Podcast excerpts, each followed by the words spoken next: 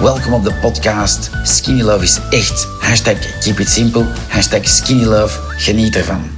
Prachtige, leerzame podcast van een dame van 60 jaar die 16 kilo kwijt is, spelenderwijs.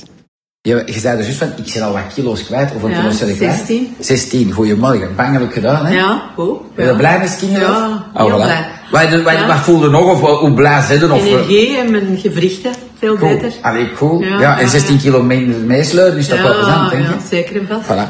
Ehm, je vond het deze lekker? Ja. Goed, hè? Want ik was kreeg er heel van mij lekker. cadeau voor dat Ah. lief filmpje, want dan gaan je mensen misschien door over de streep trekken of mensen die zeggen... Maar want- je hebt er al verschillen. zijn al ja, dat verschillen. geloof ik. Oké. hè, Want als je 16 kilo kwijt bent en je Ja. ziet er dan toch fantastisch uit, dan zeggen mensen van zich, wat zit je Ja. uitgespokt, hè? Ja, ja. Maar dat is plezant, hè? Ja. En nooit geen honger, denk ik? Nee, nee, niet meer. En je hebt minder zin in zoet. Dat is Ja, hè? wel, ja, ja. Dus eh, plezant, allee, super lief. Mocht je nog een vraag hebben, met veel plezier stel ze in de Skinny Love Community op Facebook. Bye bye en hashtag keep on skinny loving.